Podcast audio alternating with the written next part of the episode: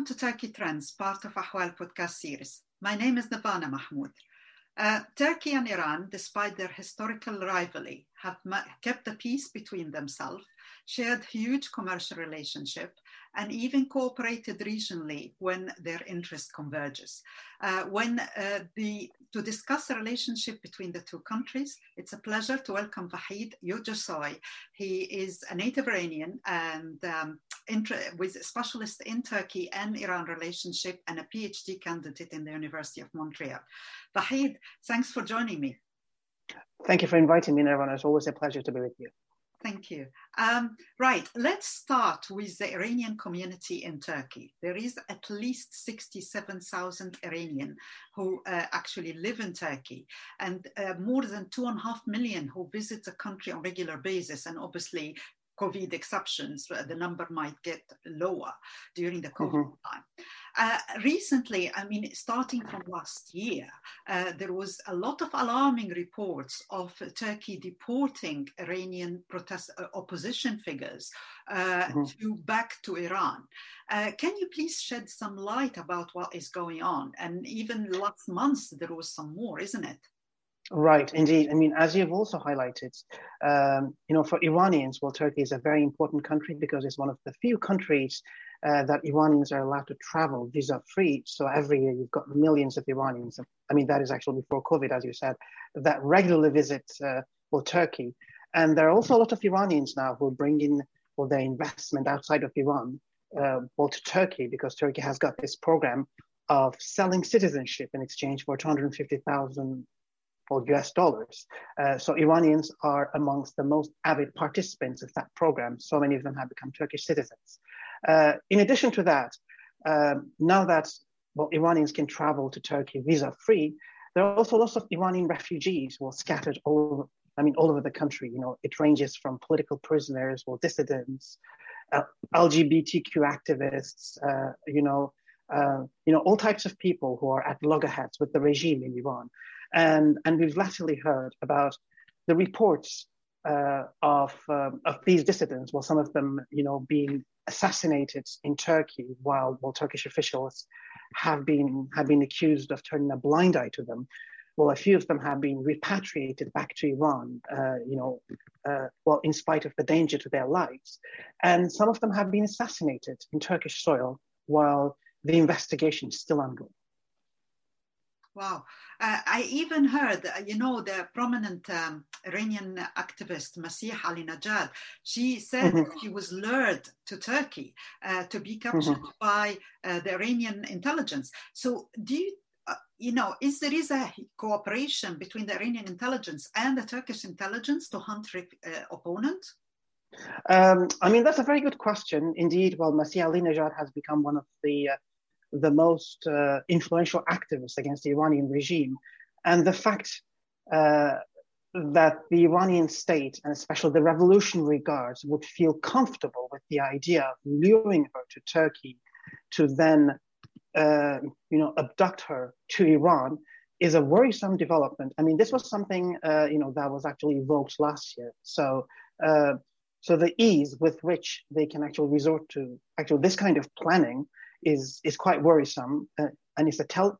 I mean, it's a telltale sign that the Iranian intelligence is sure that Turkey would turn a blind eye uh, to that kind of abduction. But that being said, you know, so we talked about uh, well these flourishing relations between Iran and Turkey, but but lately, you know, there have been some stumbling blocks uh, between those actual, you know, those two, I guess, influential powers of the Middle East. Uh, you know, first of all, uh, under intense international pressure because Turkey had been uh, had been excoriated for turning a blind eye to the plight of Iranian refugees. Uh, well, Turkish officials have just arrested uh, an Iranian diplomat who is uh, who is responsible for uh, the assassination of Habib Shah, you know, who is a uh, who's an Iranian dissident, well, who was in Turkey. So when, he was actually an was he, when was the assassination? Well, that was very recent. It was this year, and then uh, so Turkish officials have uh, have arrested an Iranian diplomat, and it has caused uh, some uh, some frictions in the relations um, because you you know, this heyday of relations between Iran and Turkey seems to be running out. Uh, well, it seems to be running out of steam, although we still cannot really say uh, that both countries are on conflictual terms. Um, you know, so there are actually very conflicting reports, reports about what could have instigated well this arrest. Um, well this arrest. So some people actually attribute it to the fact uh, that the international community was very critical of Turkey, and Turkey felt the need to act under under intense criticism. And there are also some geopolitical reasons as well.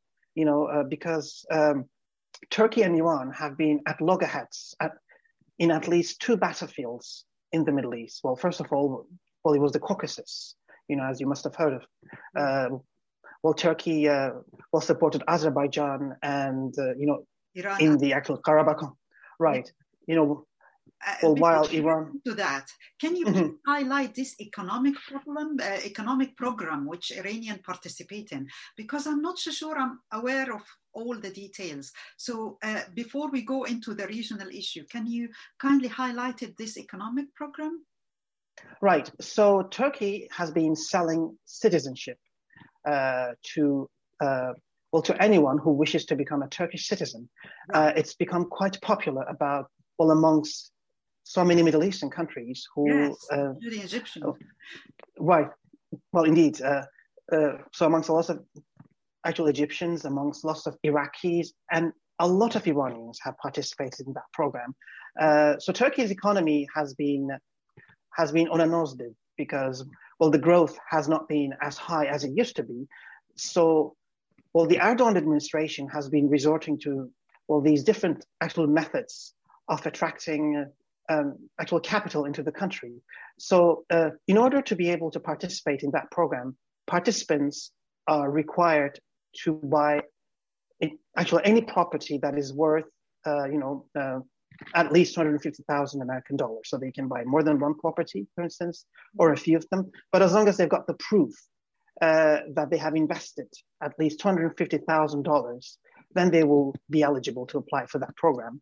Um, and it's been gaining a lot of uh, actual popularity. So many Iranians have been buying property in the city of Izmir, which is, by the way, well, Turkey's most secular city. So it's, uh, um, I mean, it's quite understandable for lots of Iranians who are fleeing the Sharia law to settle down in, in the right so in the most secular place in Turkey, basically.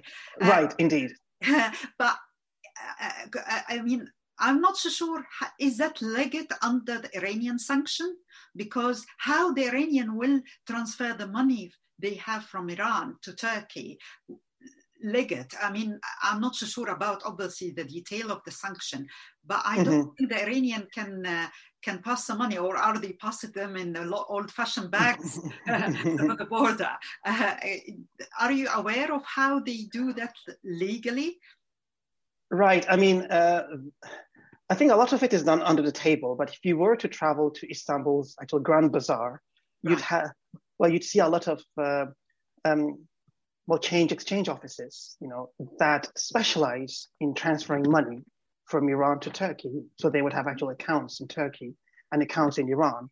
And, uh, you know, like the moment somebody wants to transfer some money from Iran, well, then they would be using their assets in Turkey to, I guess, compensate well for that amount and and then they would be receiving a certain actually a certain amount of commission for that so i mean that's uh, some kind of a trade that has been gaining ground in Turkey and it's been very popular and it's actually survived the sanctions as well. I mean, you're right uh, that Turkey has been under a lot of scrutiny for busting the sanctions, especially when Halkbank was involved yes. in the sanction busting scheme, which soured the relations between actually the Obama administration and, and Erdogan, and, and it's actually continued, uh, you know, under um, under the Trump administration as well, because uh, uh, well, Turkey was looking for a way of making money out of actually Iran's misery by by busting the sanctions, and uh, you know. I know uh, Halkbank, and there is obviously a court uh, verdict or recently, so I understand, but I assumed, obviously mm-hmm. naively, that after the Halkbank scandal, Turkey mm-hmm. be careful in its relation, financial relationship with Iranian and, and trying to strict the regulation of how they bring money to Turkey and back uh, eh, on or right. on a backward. I mean, is that not happening? I mean, you're right that Turkey has been very careful because so so actually what I'm talking about, the transfer of money, is taking place through private officials. Right. Oh, sorry, um, actually through private individuals. Mm-hmm. Uh, so it's not necessarily with the involvement of the government. So the government is aware that money is coming into the Turkey, but into Turkey, but I mean it's turning a blind eye because well that money is contributing to Turkey's economy. economy. But as long as it's not channeled, I mean it's not channeled through well official banks, uh, it's not really uh, well going against yeah. uh, well the sanction scheme. right. So so it's been taken in quite an informal way, and it's actually been contributing to informal economy. And Turkey's informal economy, you know, well accounts for uh, actually a hefty chunk of the economy, and and Turkish officials are quite aware of that as well. But as long as you know it contributes uh, well to Turkey's economic growth, uh, I mean, they managed to turn a blind eye to it. Right, uh, which bring me to mm-hmm. the, uh, uh, the U.S. Before we talk about the regional bit, the U.S. negotiation with Iran at the moment. There is an mm-hmm. ongoing Vienna talk to try to resume the Iran deal, etc. I am aware in the past, Turkey have either hosted some, you know, in the good old days during Obama, Turkey hosted some of the negotiation be- between uh, Iran and the international community. But now, mm-hmm. interestingly, Turkey is completely out of that. The I am not aware of any Turkey, uh, Turkish participation in the in in the negotiation or even in the back scene of it. How do mm-hmm. you see that and why? I mean, this is a very good point because it's completely in Turkey's interests uh, for the sanctions to be lifted, and you know, for for the Iranian nuclear deal, uh, you know, actually to to advance, uh, you know, to progress and and to reach a promising stage. Uh, but uh, but the problem is we are far from the heyday of Turkish diplomacy. Well, the period when Turkey was heralded as a constructive actor in this region. You know, as you would as you would remember, well, Turkey, together with Brazil's actually Lula da Silva, were among some of the pioneers that uh, that seemed to have taken a personal interest in the resolution of the nuclear uh, stalemate, you know, between Iran and um, and the United States. But at present, Turkey has got its own uh, well tense relations with the United States. So I mean, it's no longer a trusted partner although both the United States and Turkey are part of well, NATO, they have a lot of outstanding issues that they have been trying to sift through. And, and Turkey is kind of vacillating between the, the American and Russian sphere of inter, uh, um, well, influence, while making it very difficult for the Americans to trust Turkey, for instance. You know, as far as these outstanding issues are concerned, um, well, well, Turkey has been actually condemned by the Biden administration for its human rights violations, which did not go down very well, uh, well, in Turkey. Uh, well, secondly, you know, well, Biden has evoked the Armenian genocide, and he used these exact words, you know, up until well this period of time, where the United States has been quite hesitant, uh, you know, to recognize the Armenian genocide. Well, the fact uh, that the Biden administration feels empowered to do so sends a clear signal to Turkey that it's not necessarily perceived as a reliable actor. And thirdly, you know, what might have caused uh, all these frictions is the fact that the Congress imposed um, well, arms embargo on Turkey because Turkey uh, felt comfortable to go and buy S-400 well, missiles right. from Russia, uh, which are actually designed uh, to deactivate, well, you know, well, the weapons of the NATO, and Turkey is part of the NATO. So why would Turkey go and buy S-400 well, missiles? Which bring me to the question. You know, the biggest argument in favor of Turkey in the sea is that a mm. lot of analysts, uh, pro analysts, Mm-hmm. say that Turkey is the front line to confront or counter the Iranian influence in the region, to counter the Russian Mhm. influence in the region. Do you see this argument will, uh, or, or, or this point of view still popular, or people have seized that, especially after the Biden administration? I mean, Turkey has the capacity to counter the Iranian influence. Turkey has the capacity to actually counter the Russian, uh, well, influence. But Turkey doesn't have the um have the willingness. It doesn't have the will. Doesn't have, uh, uh, you know, uh, the enthusiasm to do so. And these arguments have surely actually hit rock bottom because, uh, you know, if one were to describe the Turkish foreign policy these days, uh, you know, how Turkey is seen in the region. Turkey is a lonely actor, apart from Qatar. Um, well, Turkey does not entertain uh, like very intense relations with any other country, even though it seems to be gravitated towards Russian sphere of influence. It still has uh, like outstanding issues with Russia as far as well Ukraine is concerned, as far as Libya is concerned, uh, well, as far as Syria is concerned. And when it comes to Iran, it's also um, will run into some conflicts, you know, as far as uh, the conflict in the Caucasus is concerned, well, as far as the Mosul issue is concerned, and as far as Syria is concerned. So, I mean, uh, on the one hand, uh, it's very complicated. So, on the one hand, well, Turkey seems to be uh, perhaps well the right country to well to counter their well their influence, but Turkey has bigger problems as well with the West. You know, Turkey blames well the United States for not extraditing actually Fethullah Gulen, Sure. um, who is blamed uh, for the coup attempt of 2016. Uh, well, Turkey is indignant with the West, with a lot of actually, well, Western European countries, for taking a lot of time to condemn that to, actual coup attempt because, well, Erdogan took it very personally. Of all the countries that condemned the coup attempt in 2016, for instance, Qatar was one of the first. Well, Russia and Iran, you know, followed suit. Uh, whereas, well, condemnations from the West were quite belated. So Turkey actually took it as um, as a sign that these countries are not trustworthy, and those yes. wounds have not healed yet. So, uh, so in the grand scheme of things, well, Turkey does not really want to counter these two powers. You know, well, neither the Russian power nor the Iranian power, uh, in spite of not fully trusting them. Okay, which bring me that the point you mentioned earlier, the regional Mhm. relationship or how Iran and Turkey cooperate or fight or uh, you know compete regionally.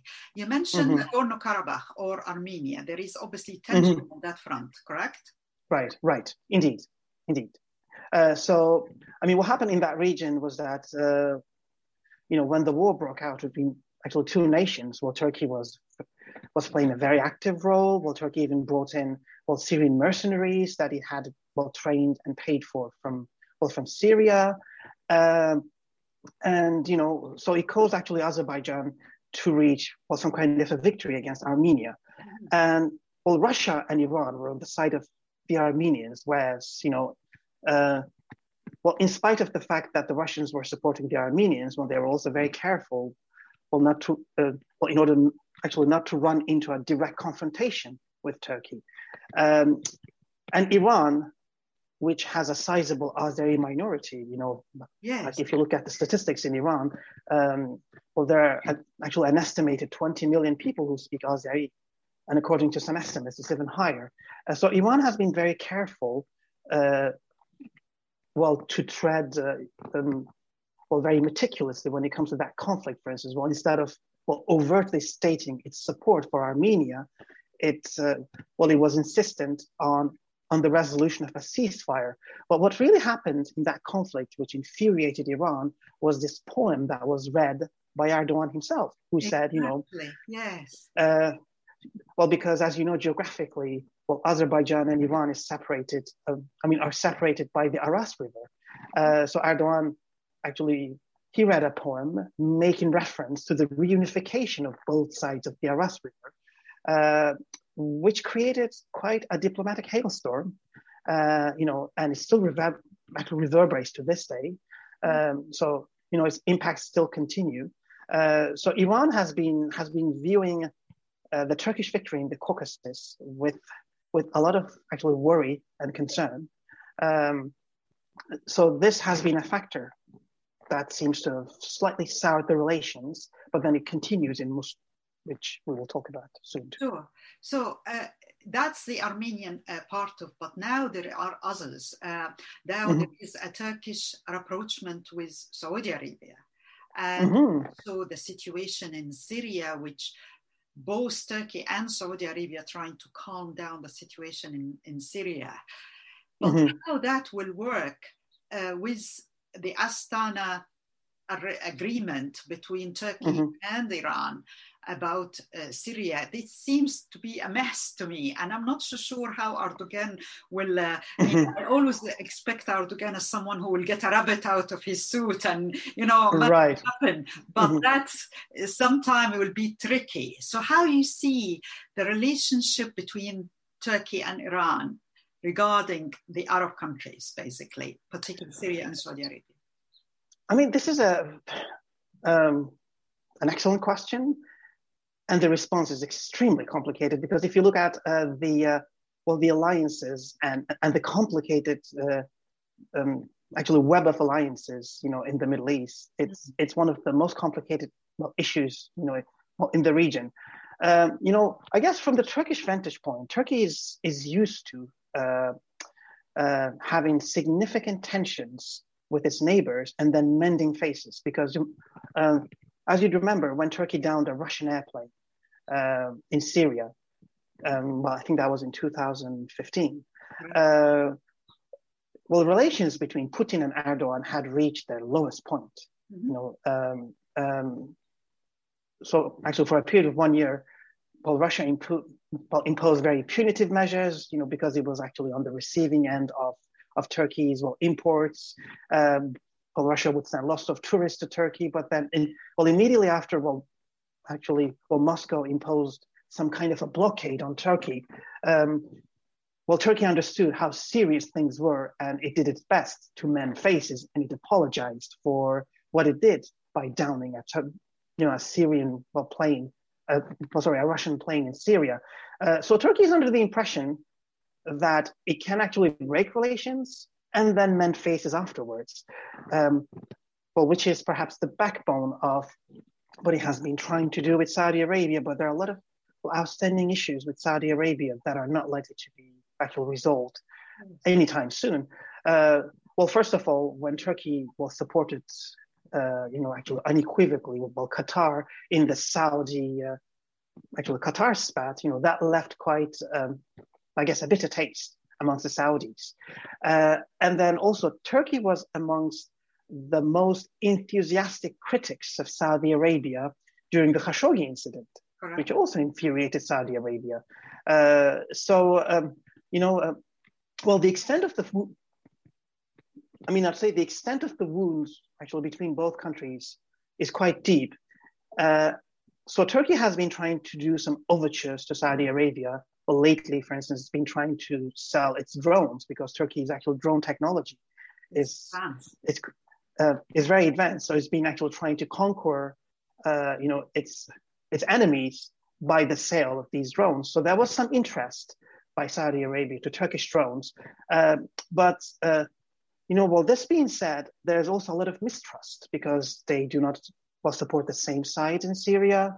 They do not support the same sides in in Libya uh, well, Saudi Arabia is uh, is very apprehensive with Turkey's proximity uh, to Iran, and Saudi Arabia is not happy with the fact that the official ideology of Erdogan is is the Muslim Brotherhood ideology, which quite runs counter to Saudi Arabia's, I guess, hegemonic will to have the final say on the Sunni world in the, you know, so of the Muslim world. You see the relationship uh, assuming there will be a deal in Vienna? And or, or mm.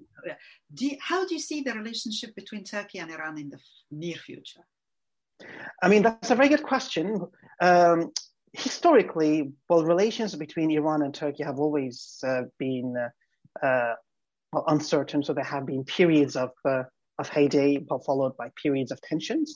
Uh, in the grand scheme of things, I'd say it's in Turkey's interest to hammer out a deal in Vienna uh, well, it's in Turkey's interest for for the Western countries to hammer out a deal with Iran in Vienna because it will actually open floodgates of uh, of trade with Iran. Because as you know, prior to the sanctions, uh, well, Iran was actually one of the major providers of oil and gas to Turkey. So so Turkey had to look for other markets.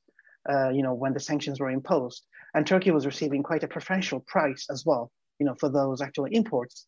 Uh, so so it'll be actually in uh, in Turkey's interests, but uh, it'll also make Iran quite stronger as well because Iran has been at its weakest financially, and uh, so that will also open. You know, some kind of a finance from Iran to its proxies in the region, which do not necessarily do what Turkey wishes.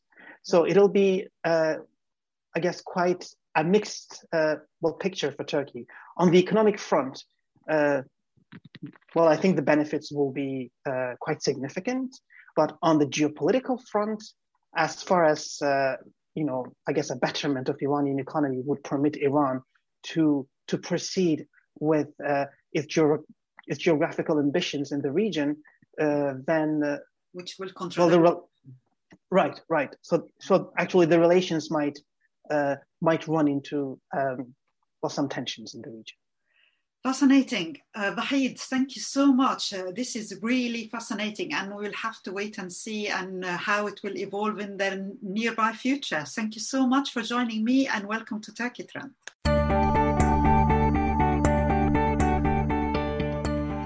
You can follow Ahval News Online podcast series through Apple Podcasts, Spotify, YouTube, Google Podcasts, SoundCloud, and Spreaker. All you need to know about Turkey is here for your ears, mind, and attention. Thank you for listening to our podcast.